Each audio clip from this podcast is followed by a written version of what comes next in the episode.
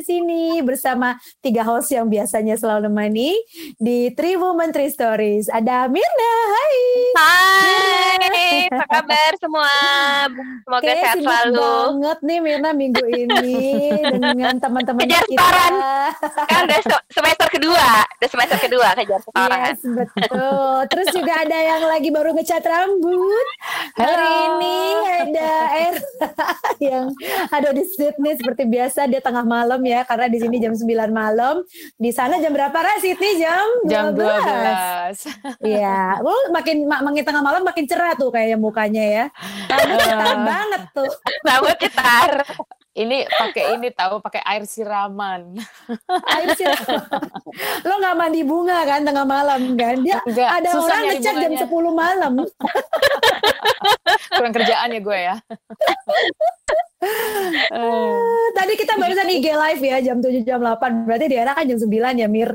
Nah, hmm. Tadi pas dia nongol tuh muk apa eh, apa namanya tampilannya tuh Beyonce, Beyonce, Beyonce. gue juga Eh. surprise gitu. Terus kita mau syuting lagi, mau recording lagi untuk eh, ini ya, untuk YouTube dan podcast. Terus gue agak bingung nih, Era gimana nasibnya dalam sejam dia harus ngilang harus jadi rambut Tap, harus siap-siap. Berarti kuncinya kalau ngecat rambut emang harus malam-malam biar jadinya cetar karena kan gelap ya kan. Jadi ketahuan hasilnya bagus apa enggak.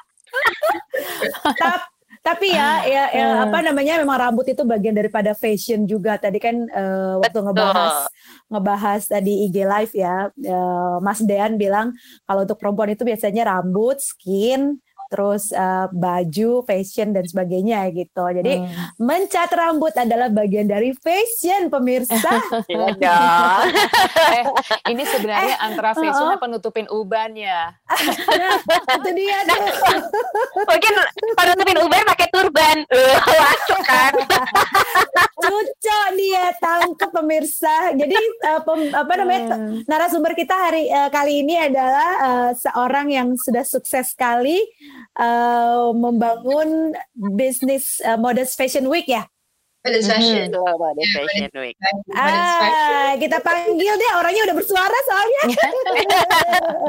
Hai Franka. Halo Franka. Ada ada Franka, Franka Surya. Welcome, welcome to Eureka Woman. Say hi to Eureka Lovers di luar sana yang lagi nonton kita. Okay, hello everyone. Very happy to be here. Senang banget. Thank you banget udah diundang. Sama-sama. Sama-sama. Terima kasih sudah mau eh, datang. Oh, bukan datang apa ya? Kalau online tuh bilangnya apa? Bergabung. Bergabung. Sila- Silaturahmi online. Silaturahmi online. Silaturahmi online, SP ya, SP silaturahmi online. Agak-agak sensitif gue dengar kata silaturahmi sekarang Mir. Eh kan mau Idul Adha, nggak apa-apa. Mau Idul Adha. Oh, oh, kamu pintar ya ngelesnya. Oke, kita ngobrol-ngobrol dulu sama Prangka ya. Prangka gimana gimana nih bisnis eh, boleh cerita nggak kira-kira bagaimana Prangka bisa eh, sampai menjadi inisiator eh, berbagai modest fashion week di berbagai kota besar di belahan dunia. Seorang Indonesia, seorang Indonesia ya Indonesian woman luar biasa ini Hebat. membanggakan sekali. Ya, gimana ya? Em, dari dulu udah di modest fashion juga sih, maksudnya nemuin bakat-bakat di Indonesia. I was a journalist before, terus menikah, pindah ke Turki. Sampai di Turki ternyata ngeliat industri modest fashion jualannya jago banget, tapi mereka nggak tahu Hmm. branding. They don't know branding in terms of gak ada event yang proper gitu untuk modest fashion. Jadi biasanya DIY event gitu kan. Nah sementara Hmm. aku udah punya uh, knowledge how to make event because di Indonesia udah sering nolongin no, apa bantu juga jadi tim dan uh, begitu sampai terus tiba-tiba aku juga udah berkecimpung uh, diajakin jadi co-founder salah satu uh, startup kayak Pinterestnya modest fashion equal ala hijab.com aku jadi kenal orang seluruh dunia terus tiba-tiba ya udah aku bilang uh, desainer sama brandnya kenal, influencer kenal, media aku dulu jurnalis, aku tahu PR, terus aku juga Mhm. ada knowledge bikin event, terus aku bilang why don't we make a, the international event gitu kan, modest fashion Hmm.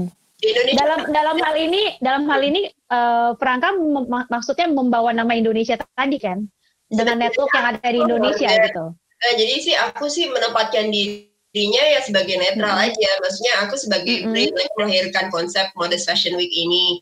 Uh, hmm. or right tapi tentunya hmm. cara soft selling aku masukin Indonesia-nya kan aku highlight hmm.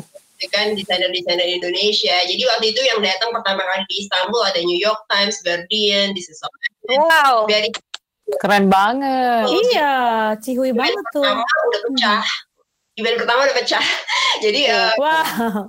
akhirnya uh, apa namanya uh, negara lain pada minta. Karena mereka bilang nggak ada nih yang international event gini yang di mana semua orang yang di modest fashion if you wanna see uh, gimana mm-hmm. diverse-nya style uh, you just come to modest fashion week gitu kan which is works mm-hmm. gitu jadi in terms of community it works in terms of PR juga it works uh, strategi konsep juga proper jadi kayak waktu pertama kali Vogue Turkey Vogue uh, didn't mm-hmm. want to write about modest fashion kan karena di uh-huh. Kurang hmm. proper hmm. ya maksudnya foto-fotonya juga begitu banget DIY gitu nggak nggak fashion hmm. akhirnya kita bilang hmm, oke okay, yeah. I don't expect nothing just come and sit down if you hmm. like you can stay if not you can leave what happened hmm. akhirnya sampai finish hmm. dan akhirnya uh, berlanjut akhirnya book Italy juga nulis wow. Arabia berapa kali. So Membuka kesempatan ke negara lain jadinya ya. Jadi awalnya di Turki dong ya waktu itu ya. Iya, jadi memang keren abis. Aku lagi mikir sih, aku kan menempatkan diri sebagai behind the scene woman. Aku bukan influencer, aku bukan, aku tukang mikirnya aja lah, gitu kan, tukang mikirnya. Tapi kamu yang paling dipentingkan di sini karena kamu jantungnya, ya kan? jadi kalau kalau lihat aku di event nggak proper, nggak fashion banget, jadi udah kayak udah kayak kempel gitu kan. Tapi biasanya gitu kalau di kalau chef kan gitu ya. Biasanya kalau yeah. chef kan kamu kayak chefnya kan tukang masaknya. Kalau dia ya mastermind. Ya Mas, mastermind. orang nggak orang nggak tahu ya orang nggak ngeliat biasanya lebih humble ya lebih uh, lebih modest seperti namanya ya lebih modest. iya eh tapi tapi kenapa tertariknya pada bisnis modest fashion ya? Ini uh, boleh dijelasin nggak sih bedanya uh, modest fashion week sama yang uh, fashion week yang lainnya misalnya tipe-tipenya tuh seperti apa sih? Uh, jadi oh, Uh, mungkin pertanyaan bodoh ya, tapi ya mungkin kita kan orang awam, kita orang awam. Mungkin kita iya jadi jelasin modest tuh apa kali Franka? Ya. Jadi masuk modest fashion tuh apa? jadi mohon maaf. Kita nih uh, yang hmm. aku bisa bilang salah satu yang pertama mempopulerkan istilah modest fashion karena pada waktu itu yang ada Islamic fashion, Muslim fashion, hijab fashion hmm. dan aku bilang uh, kayaknya mesti di repackage nih the whole thing karena banyak juga cewek-cewek non Muslim yang suka suka juga pakai modest yang suka pakai baju tertutup dan, dan itu nggak harus hijaban nggak eksklusif. Akhirnya so we repackage the whole modest thing yang mana akhirnya ditangkap lah sama media-media itu. Jadi kan the idea-nya kita repackage gitu loh. Karena memang I, aku pikir juga dulu kan aku baru pakai jilbab kan aku juga hmm. pikir aku nggak pakai jilbab tapi aku nggak suka baju terbuka where I am gitu I'm I'm in the middle hmm. very gray gitu kan akhirnya aku bilang ah. banyak cewek-cewek kayak aku gitu kan pas aku ke Italia mereka juga bilang aku aku sukanya bajunya tertutup begitu memang Franka gitu so uh, uh, uh, uh. sort of answer of actually what we like we are not hijabi we are not Muslim uh, uh. we like to wear modest wear gitu kan kita suka tertutup uh.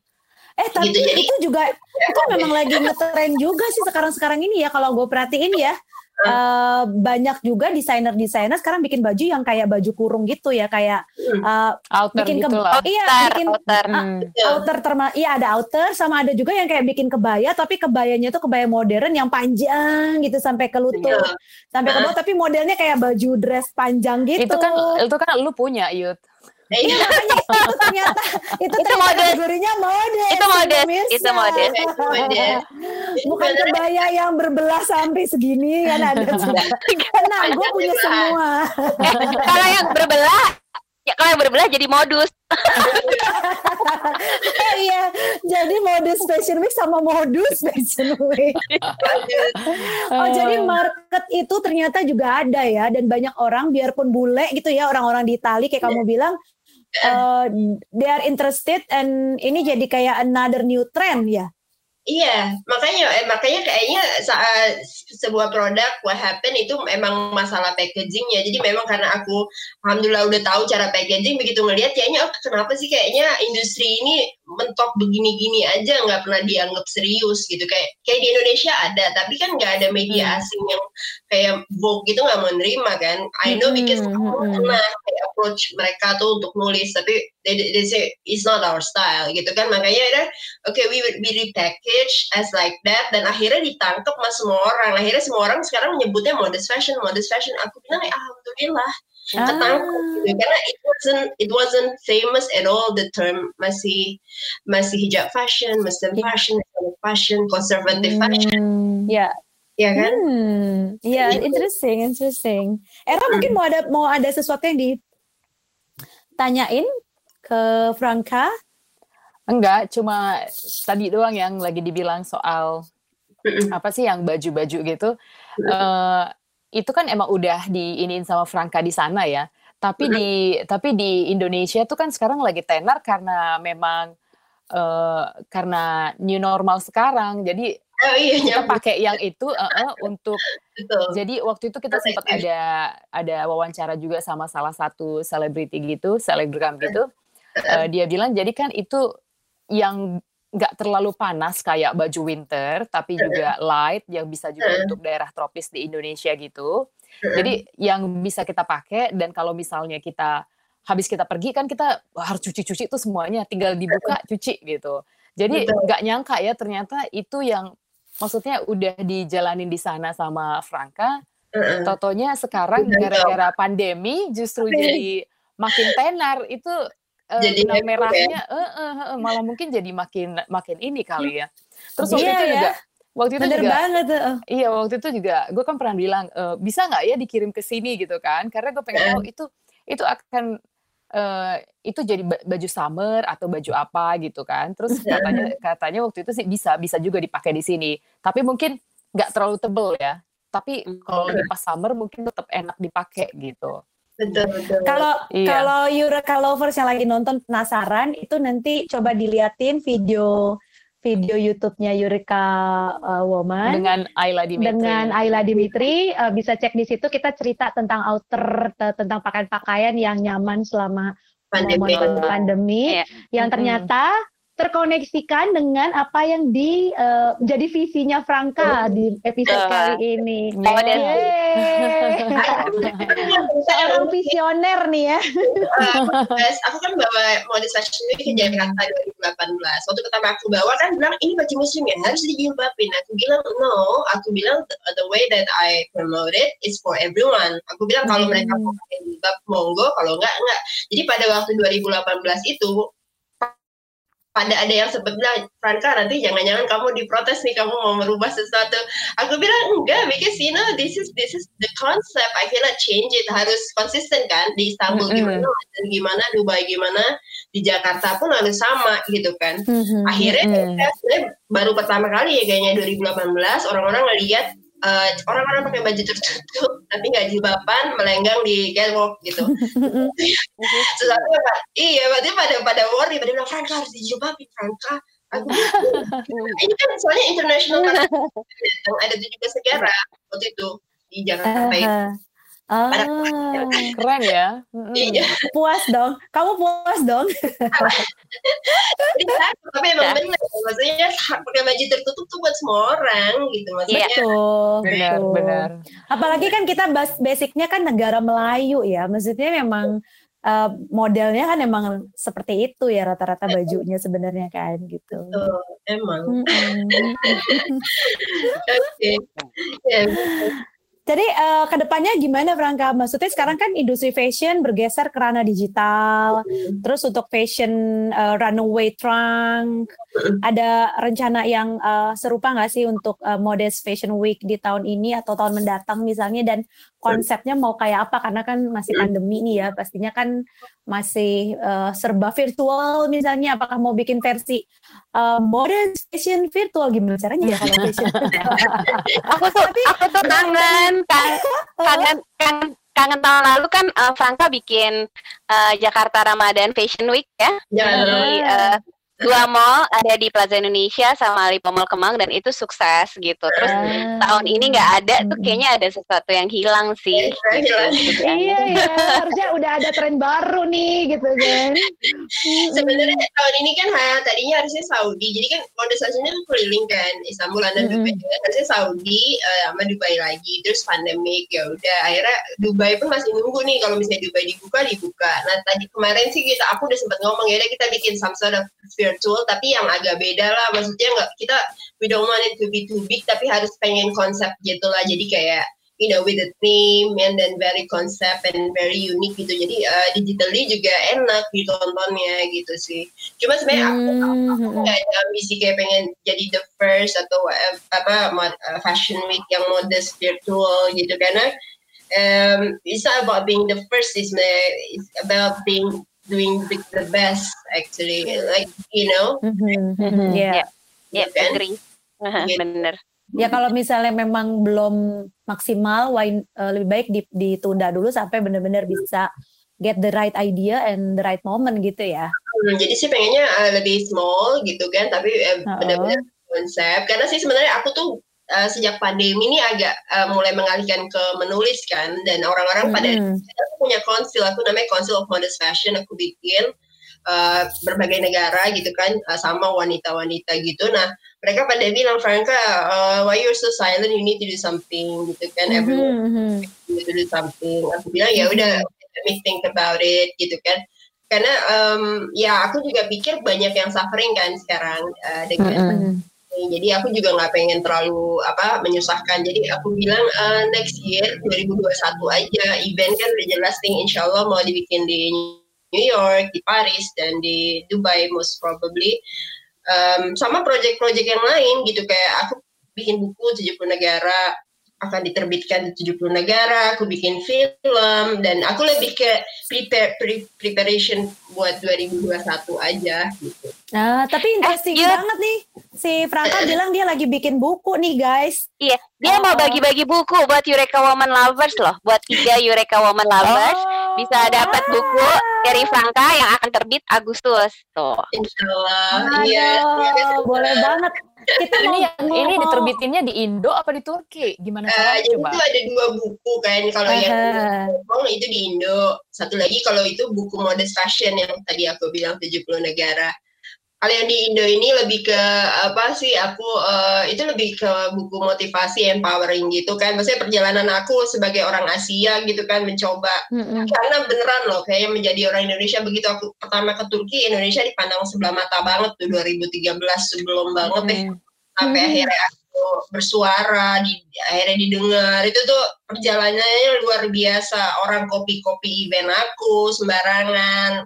Catat nama aku gitu oh, kan. yeah. something else hmm. gitu kan. Is is very crazy journey gitu. Modest fashion karena sekarang besar sekali ya. Semua orang pada bilang modest fashion billion dollar industry billion dollar industry. Jadi semua orang tuh pengen uh, get the piece of pie oh. tapi banyak hmm. yang brutal di luar negeri tuh brutal banget jadi uh, makanya aku tuh agak kayak dibilang kayak the mother of modest fashion of the modest fashion ya orang, orang suka ngadu dan aku suka uh. kayak bantu solusi gitu karena they say uh, apa it's very difficult right now everyone wanna do something tapi banyak yang irresponsible terus kayak trusted people tuh uh, sangat sedikit kak uh, gitu. very limited ya. Kita bikin konsil kan. Mm-hmm. jadi gitulah. Jadi uh, buku itu akan menceritakan sih apa sih uh, tidak semudah itu benar-benar berdarah banget gitu berdarah banget parah banget. Dan uh, jadi di balik kesuksesan yang udah dilakukan oleh Franka dengan uh, Modest Fashion Week itu ternyata juga ada challenge-nya. Uh, you you did write everything in that book ya untuk kayak hmm. suka dukanya terus trik apa sih trik-triknya apa gimana tuh atau mungkin how to Mm-hmm. Ya, karena kan sekarang semua orang pengen jadi internasional nih. Kalau di modest fashion semua kayak, oh aku pengen show di luar negeri apa segala macam, pengen ini. Nah, mm-hmm. ya, aku aku membuka membukalah dunianya seperti apa sih yang kalian bayangkan itu. Maksudnya jangan sampai salah melangkah karena uh, ada kok di brand di Indonesia uh, yang besar sekali. Itu udah salah melangkah di luar dan udah kena banget. Dan sebenarnya aku udah warning. Uh, you will see everything. Ada juga sih maksudnya hal-hal lain seputar perempuan gitu kan, uh, macam dibully, macam terus apalagi ya, yang kemarin aku cerita sama Mbak Mirna ya, kayak soal yeah perempuan Kamu belum cerita sama kita. cerita lagi Franka, ada yang iri. Oh, Tolong bagikan ada yang iri kamu momen lover. Kan telat menikah gitu kan maksudnya ah, itu, itu buku itu benar-benar namanya Random Thoughts of Franka. Jadi apa pun yang terjadi di itu udah benar-benar relate apa yang sama yang wanita alami lah kayak telat menikah diledekin terus hmm, yeah, yeah, yeah gimana gitu kan being a working mother. Aku kan punya anak juga umur enam tahun. Uh, uh, uh, uh, uh. pingin fashion yang brutal. Terus apalagi ya? Banyak hal lah dibully uh, kesempatan Dianggap remeh gitu ya? Uh, gitu kan. Aku kan hmm. sampai seru banget. Jadi aku pernah di WhatsApp sama Lindsay Lohan. Jadi oh ya? okay. wow. dia apa tuh? Dia pengen aku jadi konsultan dia keren. Wow keren abis. Uh, jadi, terus, terus. Oh, jadi ada banyak hal-hal yang unexpected yang yang sebenarnya ya aku mau, mau cerita aja. Ini ini tuh terjadi sama sama you know orang yang maksudnya aku sering di underestimate sekali kan. Tapi iya, kayak yeah, yeah, yeah. kesempatan yang datang tuh emang kayak kayak fiksi banget gitu loh. Sampai kayak Is it true? ini bisa di ini bisa difilmin loh, ini bisa difilmin banget ini kisah kamu. Tapi uh, oke, okay, jadi ternyata ya uh, ada satu fakta. ada satu fakta di sini bahwa uh, Franka Franka ini benar Surya. Uh, Franka Surya ini benar-benar uh, apa uh, mencapai titik puncak dari boleh dibilang from zero, right? Jadi dari dari orang um, underestimate terus uh, tapi lo bisa survive gitu dengan itu semua dan akhirnya bisa buktiin yeah. bahwa you can do something special and then you can inspire a lot of people. Nah, satu satu hal yang kita pengen uh, Franka uh, juga bisa sharing mungkin ke teman-teman di luar sana ya yang lagi dengerin podcast maupun yang lagi nonton di YouTube channel, um, gimana caranya supaya um, membuat orang lain itu punya mindset berubah dengan kamu gitu loh. Karena kan it's not easy to change people mindset. Kalau orang udah punya mindset jelek terhadap kita, kayaknya kita mau ngapain aja selalu dianggap negatif nih. Pastinya udah dia terima kita negatif aja ya kan. Namanya juga orang nggak suka sama kita gitu. Tapi at the end of the day you can you can uh, turn the light on gitu loh. Kalau di Eureka namanya Eureka Moment, Franka kita nyebutnya Eureka yeah, Moment. You can get your Eureka Moment gitu loh. And you can be bold, right? Nah sebenarnya kan kayak hmm. kalau apa ya tadi ya. Jadi kalau misalnya aku tuh uh, jujur ya, misalnya aku memulai dari bawah banget ya. Jadi sampai dulu tuh pun dikatain kayak orang oh, fashion kok kayak gini, dikatain lah sama salah satu majalah. Hmm. Kalau orang fashion rata-rata ini dagunya ke atas semua. maaf, ya, maaf.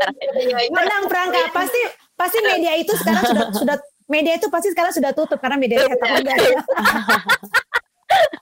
terus jadi dan aku aku gila banget pengen banget masuk esmod sampai tapi aku bangkrut waktu itu. It's a lot of story. And then apa ya sampai aku balik ada orang banyak yang nggak terima kayak kok Franka Franka yang dulu? Gitu kan kayak Franka hmm. siapa sih? Gitu. Sampai pernah kayak di depan mata aku aku bilang ya udah aku aku juga nggak perlu dibilang Franka siapa sih. Maksudnya ya udah karyanya udah ada juga dan aku nggak perlu ngebuktiin apa-apa lagi. Jadi orang pun kayak bilang Franka hmm. kok bikin ini? Aku kan bikin akademi lah Asian Blogger Academy lah di Malaysia bikin hmm mm-hmm.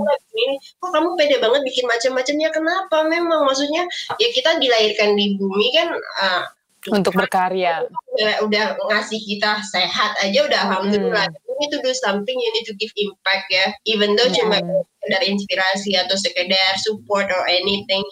Kalau aku bilang ya aku, aku pun nggak ambisius. Misalnya Allah bilang Franka udah you finish in modest fashion. Oke okay, no problem. Because uh, nggak uh, ada nggak ada attachment banget sih. Biasa aja. Oh, tapi learning pointnya kalau kalau dari ceritanya Franka nih ya um, you just don't care for what people talk about you gitu kan yeah. ya biar aja tetap jalan tetap berkarya mau orang ngomongin apa di belakang kita nggak usah pedulikan uh. jalan terus saja ciptakan sesuatu biar uh. orang lihat sendiri hasilnya ketika orang udah lihat hasilnya habis itu orang biar pada baik sendiri Akhirnya orang jadi positif gitu ya.